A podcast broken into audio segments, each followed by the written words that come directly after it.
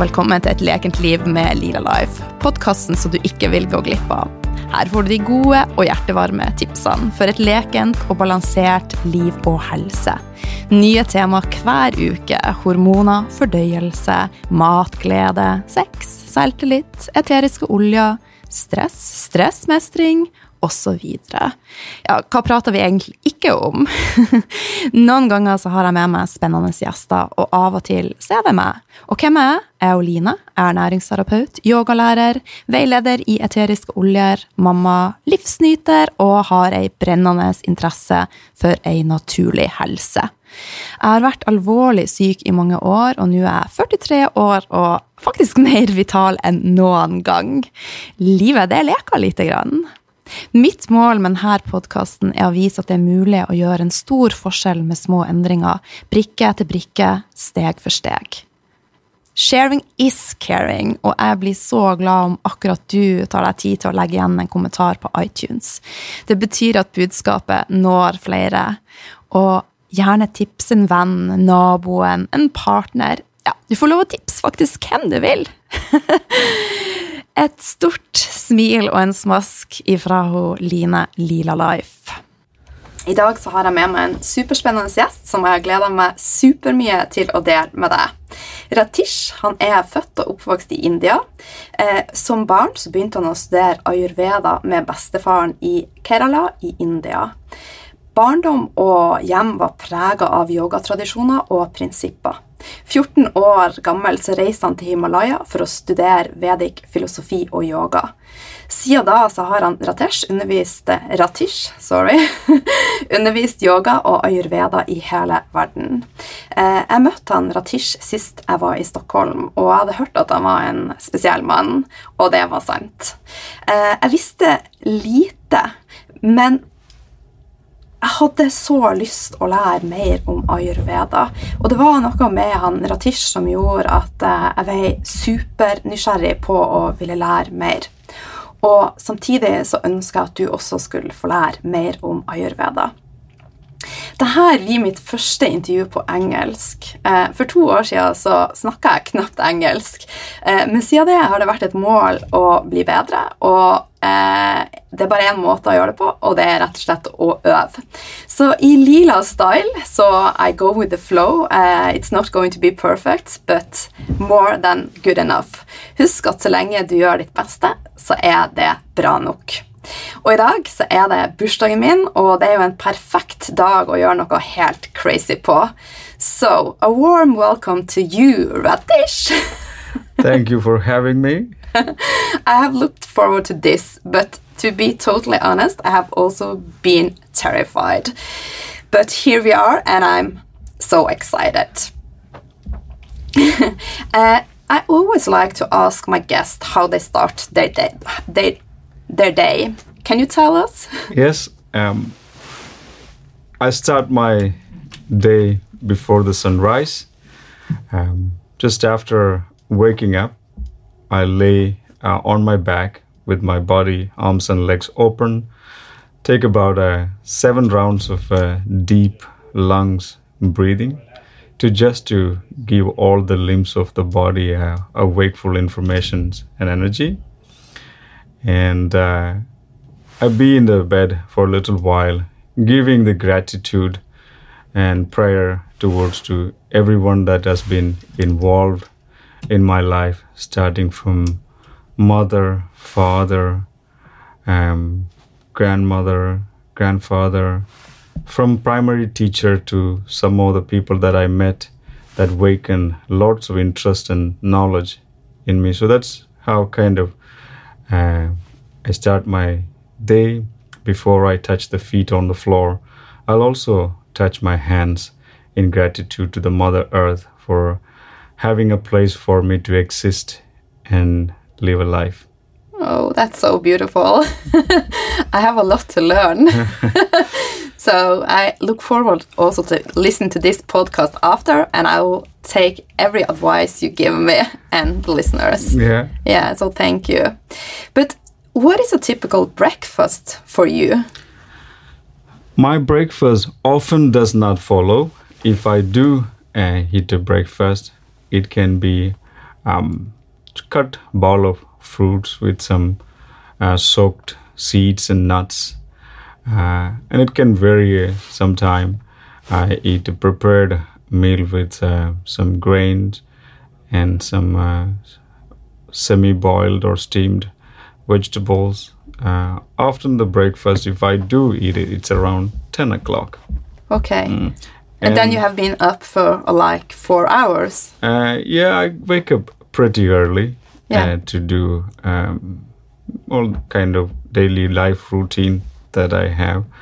Uh, I'm kind of well um, over um, at least about five hours uh, before before five hou- from prior to ten o'clock.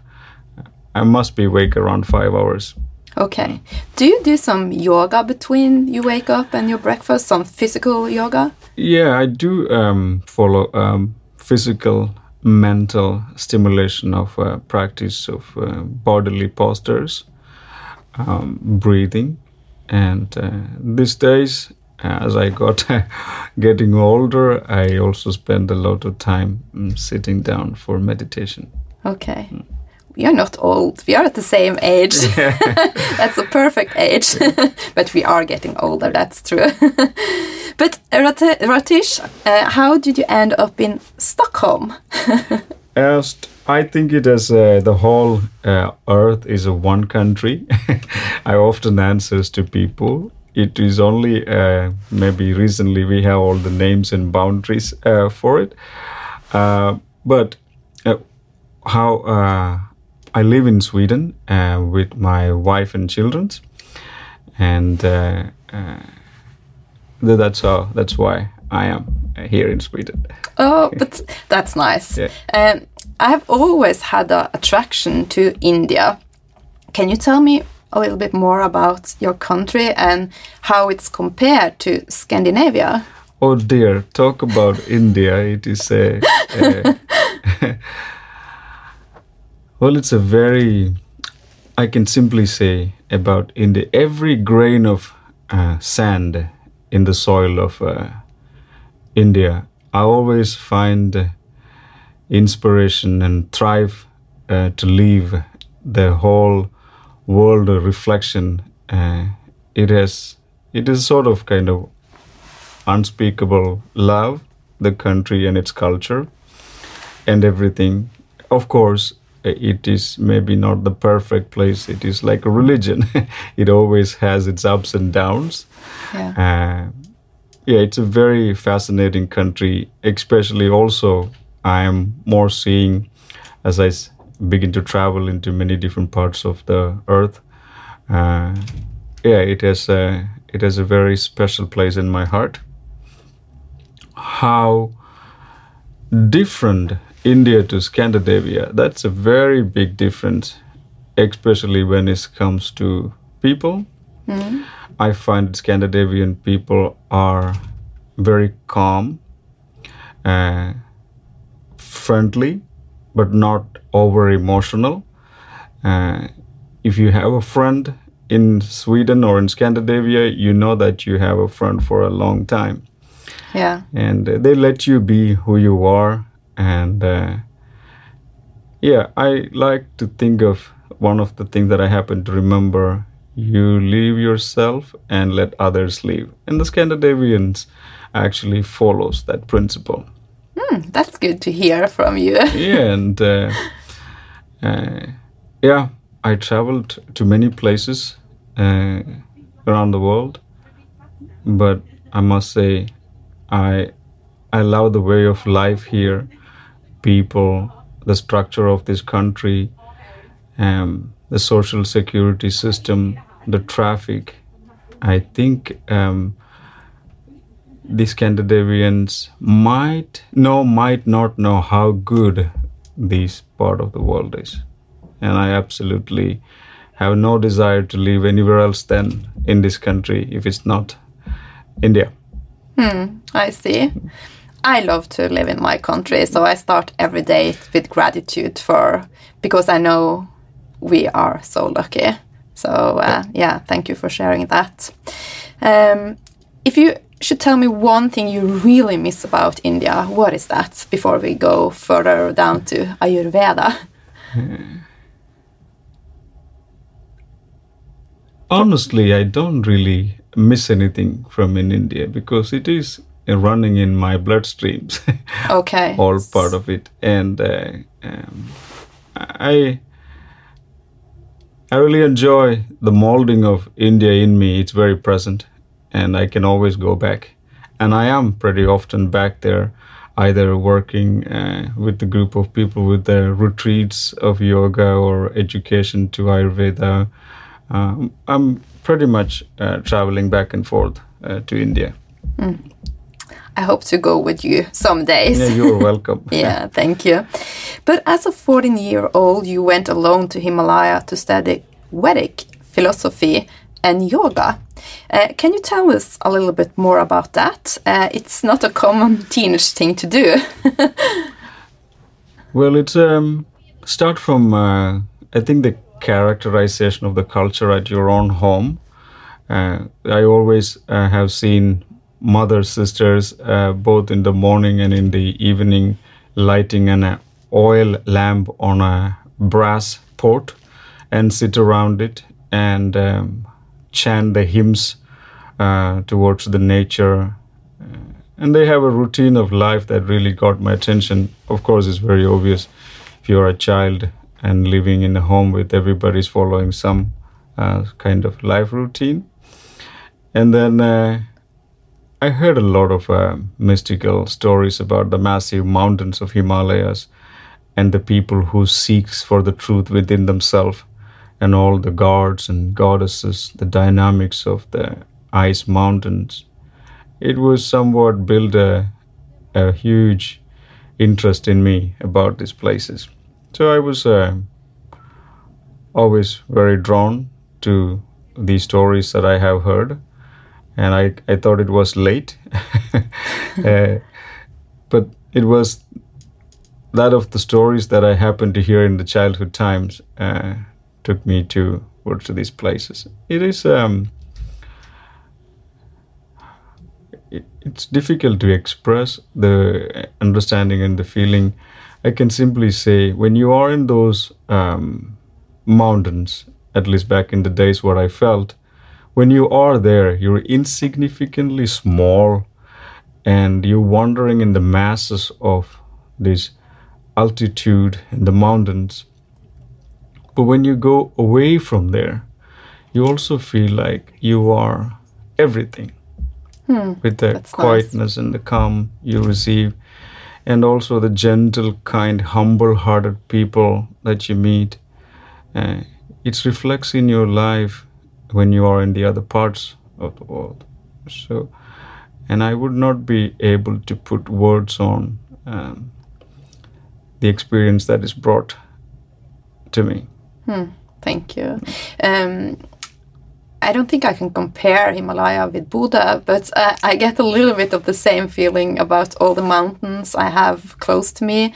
And I love Stockholm, but after some days here, I uh, long for being in the mountains. Yeah. So it gives me so much peace. So that's the first thing I'm going to do when I'm back in Bodø. yeah, it's a it's really resembles of Himalayas. Uh, also, maybe it's not that tall mountains, but the Norway border of Sweden, Scandinavia also will be uh, showered and blanketed by the snows. So it, it is uh, some similarities Yeah. in the quietness and the cold mountains. Yeah. But you said uh, a lot of listeners don't know yoga so much and they don't know Ay- Ayurveda. You said they were chanting hymns. Yeah. What's, what is hymns? Hymns can be a daily repetition of uh, wishing uh, the well uh, for the entire living creation. For example, let's say one common one in the hour of your awakening, uh, you may chant Loka Samasta Sukhino Bhavantu. Loka means this universe, the world. Samasta means everything. Let there be a peace and ceremonious calmness for the entire living and non living beings. So it's a one of the hymns can be said, and wishing that makes your heart and your mind to be in a more of a compassionate state. It can set up a very good vibration for the beginning of the day. So they start the day with Yeah, you, that can be, for example, one of them. Then you can chant the hymns for the health, um, to protect the family members who gives you a company in life, takes care of you. And children are uh, sometimes learn these things from the very beginning, so it's in their natural day-to-day life. Yeah, mm. I did a lot of chanting when I was in Yogaville, uh, taking my teacher training. Mm-hmm. But after that, it stopped a little bit because in Norway it was a little bit strange. I- but now I think something is happening and it's more common to chant. And after being now at some yoga classes, mm. It's so liberating to chant. So we need more of that. Yeah, chanting is very vibrational uh, to our sensitive chords of life and in the body. It really gives you a, a sense of this peace or gratitude or humbleness. Generally, it makes you very calm. Yeah, I agree with that. But can you tell tell us what Vedic means? And do I pronounce it wrong? It feels wrong when I'm saying it. No, it is a Veda, and uh, it's sometimes said Vedic. Vedic. Yeah, if you study something of the Vedas, you can say Vedic principles, Okay. Vedic philosophy. Otherwise, they are called Veda or Vedas.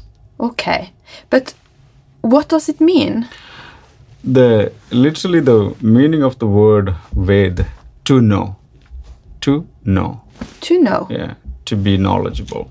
Okay, and is it the same? What is Ayurveda mean then? So, in order to talk about a little more about what Veda is, um, in the beginning of our human civilization, that is, whenever that it happened, after humans' uh, challenge was against the nature in a way to survive in the extreme circumstances of weather conditions, finding something to cover their body, animal skins or tree skins and leaves, finding shelter to stay, uh, finding food. When mankind was settled slightly on this platform, there was lots of questions arised into themselves, within themselves. And uh, some of them were, where do I come from? Who is the progenitor of this universe? What is sun? What is moon? Where do I go? There was a many sincere questions arise into humans' consciousness. So there wasn't any information available in that time because everybody was in the same state. Everybody looked for some sort of knowledge. So the only way that they had an inner tendency to sit quiet, either with the eyes open, staring up the silence, uh, emptiness, or the eyes closed and they seek for the questions within themselves. So when those mind and the heart and the vibration that is linked with the present situation was calmed down, they begin to have the knowledge vibrated in a form of uh, letters or hymns that's in the within the screen of their forehead and that became a pronunciational words for them. So sat on semi naked fed on roots and fruits looking for the truth within themselves when they had found or experienced something. They kept it among the community for uh, call and response or chant and return from the groups. So these folks songs later being collected as the knowledge of the universe, our planet, the sun, the moon, every dynamics, humans, all became the source of knowledge as Vedas. Hmm. So within there, we is if you take any possibly any kind of modern studies of psychology and philosophy, medicine, you will find the early text or early informations in the Vedas. And so that also means the humans has been absorbing their surrounding. And if we absorb the animals very closely in the wild, they are very knowledgeable about uh, their once they became ill or injured, they know to how to rest it out, not to eat if they have any problem in the stomach. So humans were absorbed in that way also to collect knowledge. Uh, so even in the Vedas, Ayurveda is mentioned in part by part. Later, it became a subject in itself. Oh, this is pretty deep. It is pretty deep. That's why, uh, in the beginning of our conversation, we also talked about where do we want to keep Yeah. the level of our Yeah. communication. So for me, um, I feel like this is I ha- I have like it has to sink in, and this is just the start of, and I want to learn so much more. But it's very fascinating, I think. Mm. Yeah. It's a very to make it slightly simple for all of us to understand. Whenever we have uh, an aspiring question about ourselves, who we are, where we are going, it often the answers has to come within in some ways with the inspiration of outer world. So that's what our early ancestors did. And whatever their knowledge communicated through their body and mind from a universal consciousness, it became the knowledge for us. Vedas are part of that. Do you think it's it's more difficult today in the society we are living in with all the other thing um, like stress? We have to work. We have to do everything. If we go ten thousand years back in time, it was another. Uh, they had another way of living. They- yeah, you understand me? Yes, yes, Yeah. I do. Um, it's both ways. Our universe uh, has developed a lot, or around the universe around us has developed a lot through our artificial human intelligence, and and as it everything, everything has its uh, pros and cons. And ten thousand years ago, probably life would have been uh, very, very peaceful in one way, but it would have been also very challenging in other ways. Yeah. So to make as a humans to stay on a um, a peaceful side, to make the uh, best out of all situations, and not to really become uh, driven or fell into the downstream of the life that chokes you up with everything technology stress. And as a humans we are privileged to choose where to balance and that needs some kind of informations and inspirations uh, that can actually make us to live through any situation that we are in i believe Yeah. I'm a curious person, so this is a little bit off the topic, but um, do you have like in your own life, uh, do you restrict your time on the phone and and on the internet? Do you have like in your family? Mhm. Uh, well, we do try to only use it when it's really needed. Uh, try not to be connected and controlled by these um, forms of technology. They are very useful. For example, of course, you can just take your phone and call a person across the world if you want to talk to your mother. Or Yeah. it's very uh, great uh, with all the technologies. But also, I like to be not controlled by it, so that I don't wake up early morning. Is the first thing is to not to take the notification in the phones or emails, for Yeah. example. That's nice. Yeah. Yeah. Uh, back to Ayurveda. You have uh, talked a little bit about it, but can you, in like a easy way, tell the listener listeners what is Ayurveda? Yes, as we hear, uh, it's a popular topic of subject. We hear a lot about Ayurveda. First, about the word in itself. It's a combination of two words come from a language called Sanskrit. It's an ancient language. As we earlier said, the Vedas and Ayurveda, much of them are documented in the Sanskrit language. It's a very complex, structured, a purified language. So it is Ayur or Ayush, meaning lifespan.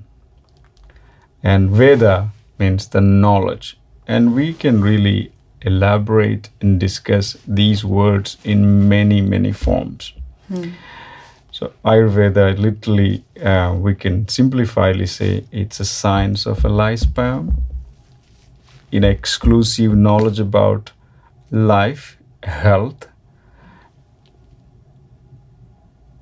We could put it into many different categories. Just that word Ayurveda could be a kind of couple of pages of description. But simply it means it's the science of a lifespan. Yeah, but uh, Ayurvedic lifestyle then, how, if I want to live a Ayurvedic lifestyle, Mm. what do I do? Yeah, let, let's admit to we're making a considerable compromise these days about Ayurveda. Uh, it meant for um, so when a person in the seek of self-realization to become a complete being within themselves, what that meant in practical, with mentally, physically, psychologically, live a life that is harmonize the day-to-day living and the progression of their healthy aging towards to a fulfillment of life. In that path if we were met with the hinders as a physical challenges of illnesses psychological challenges how to deal with these problems to get over to continue the journey to our fulfillment so originally that's what ayurveda was suggested. And uh, it has more than just about the drinking of a tea or having a ayurvedic herbs in packets in a store. Uh, it doesn't it just maybe like a shows a little bit marketing of the ayurveda in the modern time. Yeah. but just with that let us not lose what actually it's put forward for its purpose for uh, so we, we must uh, we must understand it is a, a deep science that has a complete information about how to live a harmonious, peaceful, healthy life up until your lifespan, that given lifespan. Nice. uh, we will talk more, more about uh, Ayurvedic lifestyle and how we can live that. But I've heard a lot about doshas. Can I ask what first? What is your dosha? Yeah, Ayurveda considers these days lots about uh, doshas, yeah. and um, I generally knows that I am uh, beyond all the doshas and elements. As if I would say what dosha is, people belong these days. People likes to belong to certain categories Yeah. and there are always some things are better than the other in one way so my kind of deep self understanding is yes doshas are the field that reflect in the body as an energies but i'm a spirit i'm a soul and my body constitutions are called doshas and they always changes there are times for doshas to become more dominant in a kind of a structure of the day. The first part uh, will be pitta, and then it's become vata, and then it's become kapha. We will discuss all this vata, pitta, kapha as Yeah. we go along. Uh, But they, but you're saying that you are changing between those three. every- Everyone is. Everyone is changing Yeah. between the hours. And then we can also, in the modern form, they talk about uh, if you compare yourself to animals, yeah. uh, maybe an elephant is a representation of a kapha. Okay. yeah. And um maybe a bird, swan, that you see lots in the Scandinavia. Yeah. Uh, it's a representation of a pitta. and a snake is a representation of water. Snake. Yeah. okay. Uh, because it's generally uh, the projection of water is uh, lean and thin. Yeah. That that might be the say, way to put it. But what my dosha is, I am all the doshas. They are. I'm very aware when they shift. Oh, can so you can feel it, Yeah, exactly. Exactly. and then you know now, now I'm a snake. uh, it may be more like uh, those kind of uh, energy shift shall not swings my mood so that you have some kind of awareness and understanding of your own self so you kind of support the dosha's functions and not to disturb you yeah. So you can also feel it when you're out of balance. yes the body will reflect mind will reflect Yeah. they will project in different ways to Okay. our behavior and inner state of mind Yeah. So, for you who's listening, we have three types of uh, doshas. We have the vata, we have the kapha, and we have the pitta. And just for my own sake, the kapha was the elephant. Yeah. And the pitta was the bird, swan swan. yeah And the vata was the snake. it it just to see it uh, we will only understand about it when we explain more about its body uh, reflections the personalities and so as i said so that might be a, a bit deeper conversations Yeah. yes But uh, can we talk a little bit more about the three different doshas? definitely Yeah. definitely So tell me a little bit uh, more about them. ayurvedic philosophy put forward uh, a five element based philosophy and these five elements are divided into three and that's where they are called doshas. So earth and water belongs to kapha. Fire alone itself the pitta. Vata is the air and space.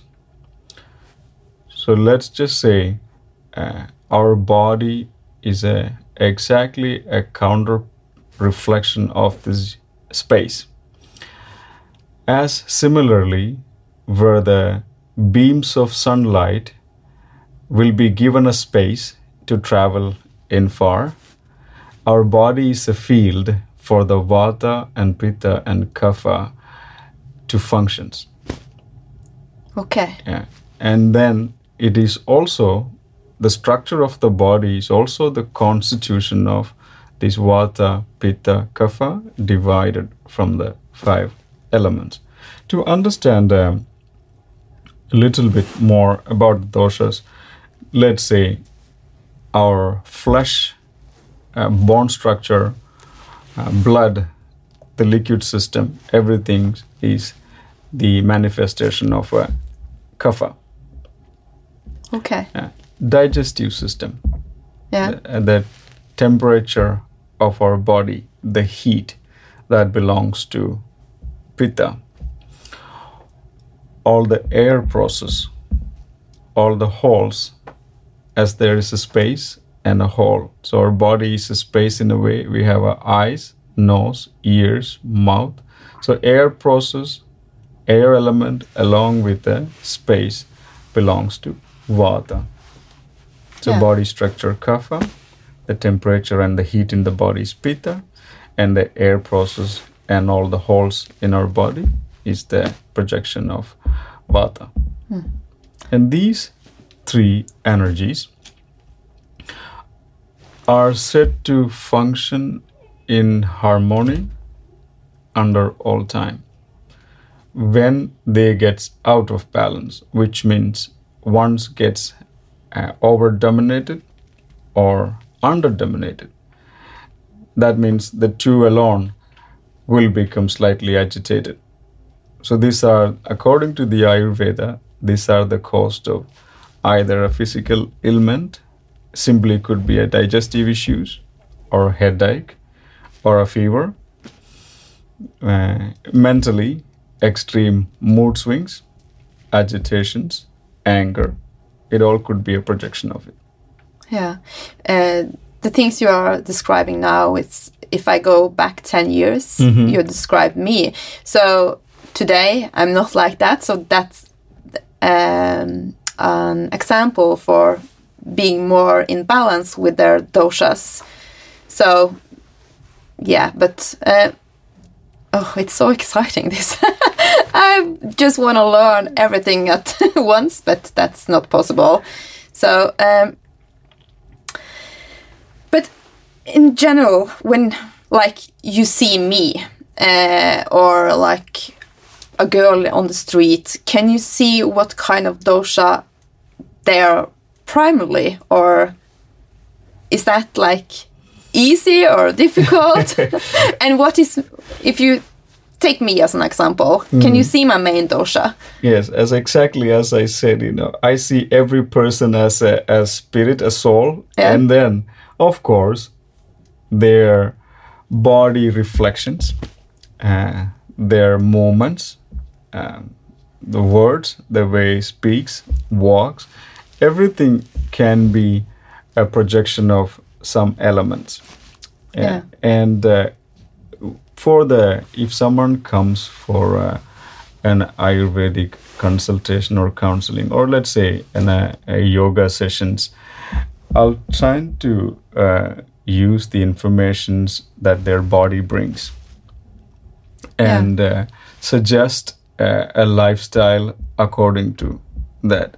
So it's easy to see when someone's uh, eating constantly something. Uh, that is a projection of their um, pitta is being very high. They're Okay. just burning a lots of energy into Yeah. it. And also sometimes you see uh, in the, a person walking in the street, not so much in a hurry, um, very relaxed in a way, not getting, not wanting to get anywhere. A little bit like an elephant. Maybe that's a little bit of projection of, of the internal state of the kapha. And as we say, maybe somebody like turned right and left and changed mind like a snake. Yeah.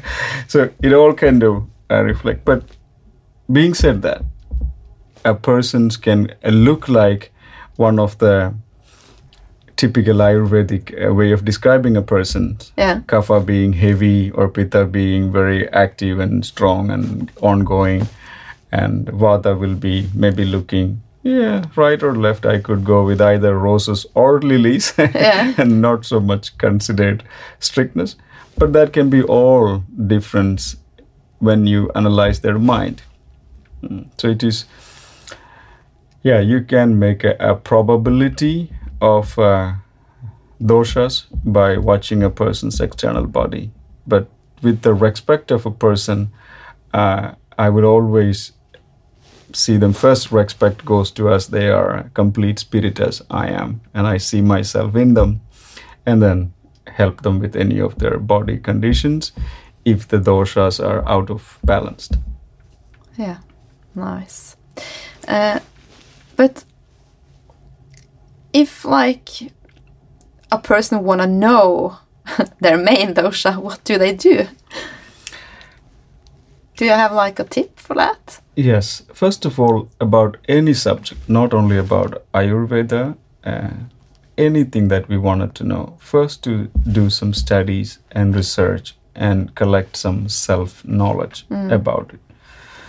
Then we have to have some genuine, reliable source uh, to know more about it because anything that is really popularized, uh, it's earlier we said it's a multi choices so Yeah. it is something to follow your own uh, heart and when things that you read or hear that has to make sense rationally logically into you so first to do a self study of uh, research studies read about the genuine uh, documents about it but that's also it's a little challenging field as it's so much out there that's why we have to keep in mind it's just not about the vata or pitta or kapha or having a, a tea that believed to balance all your life that's a good offering, but I doubt that Yeah. seriously. Yeah. But but then maybe even that packet uh, written about something about Ayurveda can wake an interest in you. So let us not say that is a negative thing. Study about it, Yeah. educate yourself about it, and uh, you will come to understand some of the things internally, and then perhaps consult an Ayurvedic expert. Yeah. And I, I love the, the thing that we see the whole picture because it's the world is so full of diets and everyone, not everyone, but a lot of people want quick um, answers. And so Ayurveda, you want to go within yourself and use time. And so you s- say reflect and study and and educate, And educate. instead, educate. yeah, and also um, that also you will have a, some ground some fundamental uh, principle to stand on even if you hear something as if the world is full of this information so you can really use your time usefully okay Yeah. this is something useful does that does make sense this is something useless i will just leave it as it is Yeah. Nice. What is a typical thing uh, that get you out of your balance from the doshas? Just to give some exam- examples. lifestyle Yeah. lifestyle Like, yes, uh, caffeine. I don't react very good to caffeine. So, but sometimes I drink it, even though I know my reaction. And yesterday was one of the days. Is that like a thing that gets me? Because then my heart races and I get sweaty and I talk very fast. yeah Is that an example? One, yeah, one of the examples. So, uh, a lifestyle, a daily routine, it's very important. And when we say lifestyle, it includes what we eat, what we drink, uh, the amount of our uh, physical stimulation, mental stimulation, relaxation. It all includes. So, typically, anything that gives you uh, after you've taken it, anything that gives you um, some sort of discomforts later the hours or the next day, Yeah. then you simply know that is something that's disturbing my internal states of constitution or the elements. yeah. So yes, what do you say? What as you said, uh, taking about taking a, a hot beverages of uh, coffee. Yes, it's uh, works in the layers of pitta and vata together. It gives you a little extra fire over blood circulation. The blood will rush into heart, and uh, we become slightly the projection of this a rush of energy and the nervousness will comes out in sweat and talks. yeah. Do you drink coffee? No, Never. no. Oh, all my guests, they don't drink coffee and they don't drink alcohol. Okay. Do you drink alcohol? No. No. I'm so impressed. and I can also say, even if I happen to drink a coffee or alcohol, I make sure that doesn't control me. I control it. okay, that's good. Yeah. Yeah. So just not to say, you know, people has um, free choices of their life, Yeah. and uh, whatever they choose to do, as long as they have any control uh, about it. So some of the sustenance don't control their life; they are still in control to choose it whenever to have it or not have it. Yeah. One of my my own reflections in this journey I'm having is that the more balanced I'm getting, uh, the bigger reaction I get on caffeine and alcohol. So I have increased my intake dramatically, and I don't want it as I wanted it before. Yeah.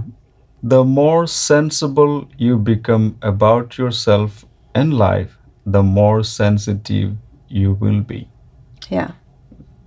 Yes. I have meant I feel it. but what is your best tips to implement Ayurveda in the daily life for a regular person who don't know much about Ayurveda? Yeah, some It start from uh, going to sleep early. yeah. Going to sleep early. Early what's that? Oh, that's uh, well. If we follow some um, suggestion that put forward from uh, philosophical terms, the best sleep that we get it is between 10 and 2 or 2:30 a.m. And uh, so this not to make it difficult for a general public, I cannot suggest uh, to go to bed at 7 or 8, but early means I would say about 9 9:30. Yeah. If early, if there is uh, no special reason, instead of uh, making your senses more tired, uh, you may let them rest. And the more you rest, and so early, going to bed early and wake up uh, early. So that's the first tip. For me, when I'm here in Stockholm alone, I do that. But it's a problem when you have teenagers mm. who don't want to go to bed at 10. Mm. Yeah, mm. so it's not in every life it works. No, and also just what what we say is like a teenage time uh, is the time of the pitta. yeah. There's a lots of fire. Yeah. So the ch- very early childhood, the babies are the reflection of kapha. They're just heavy and soft and loose, lay in the ground and very relaxed. As soon as the time gets into more of the teenage ages, there is a lots of fire. The functions of the hormones increases, and is slowly become vata. Is more become self-interest into many of the actual uh, perception of life and this returns to the time of uh, kapha. Again, we go back to the state where we began with the eyes and the ears and everything start to become more relaxed, like a baby in Yeah. some ways. yeah. So when when saying is go to bed early, uh, wake up early, first things to clean uh, the dead cells from the mouth and tongue. So brushing the uh, tongue, gargle out, and brush the teeth so there is no toxins going into the body that from overnight. Uh, then generally is good to avoid salt, sugar, spice, and sour. Generally good to avoid. Have uh, enough physical, mental, psychological stimulation, some type of exercise, breathing, relaxation, a self reflection. Uh, and then we can, of course, go much deeper into it. Try not to agitate yourself by uh, getting angry or jealousy or over talkative. Yeah. All of these things supports one another uh, to have a balance Yeah. elements in the body. so exciting. uh, but I want to learn a little bit more about how an Ayurvedic session looks like.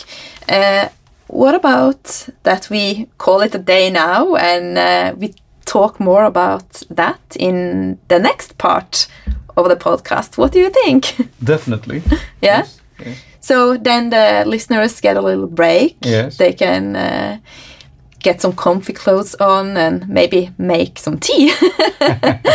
so thank you very much, Rateesh. It has been so uh, good to talk with you. Thank you for having me, and uh, I I hope that it's uh, awakened some interest in people about their life and Ayurveda in best possible way for them to ease uh, their life. Yeah, I can assure you that the, it will help. Yeah, but uh, we will be back and we will talk more about Ayurveda. Look Okay. forward. Thank you. Thank you! Ja, jeg klarte det sånn høvelig bra på engelsk. Whoop, whoop.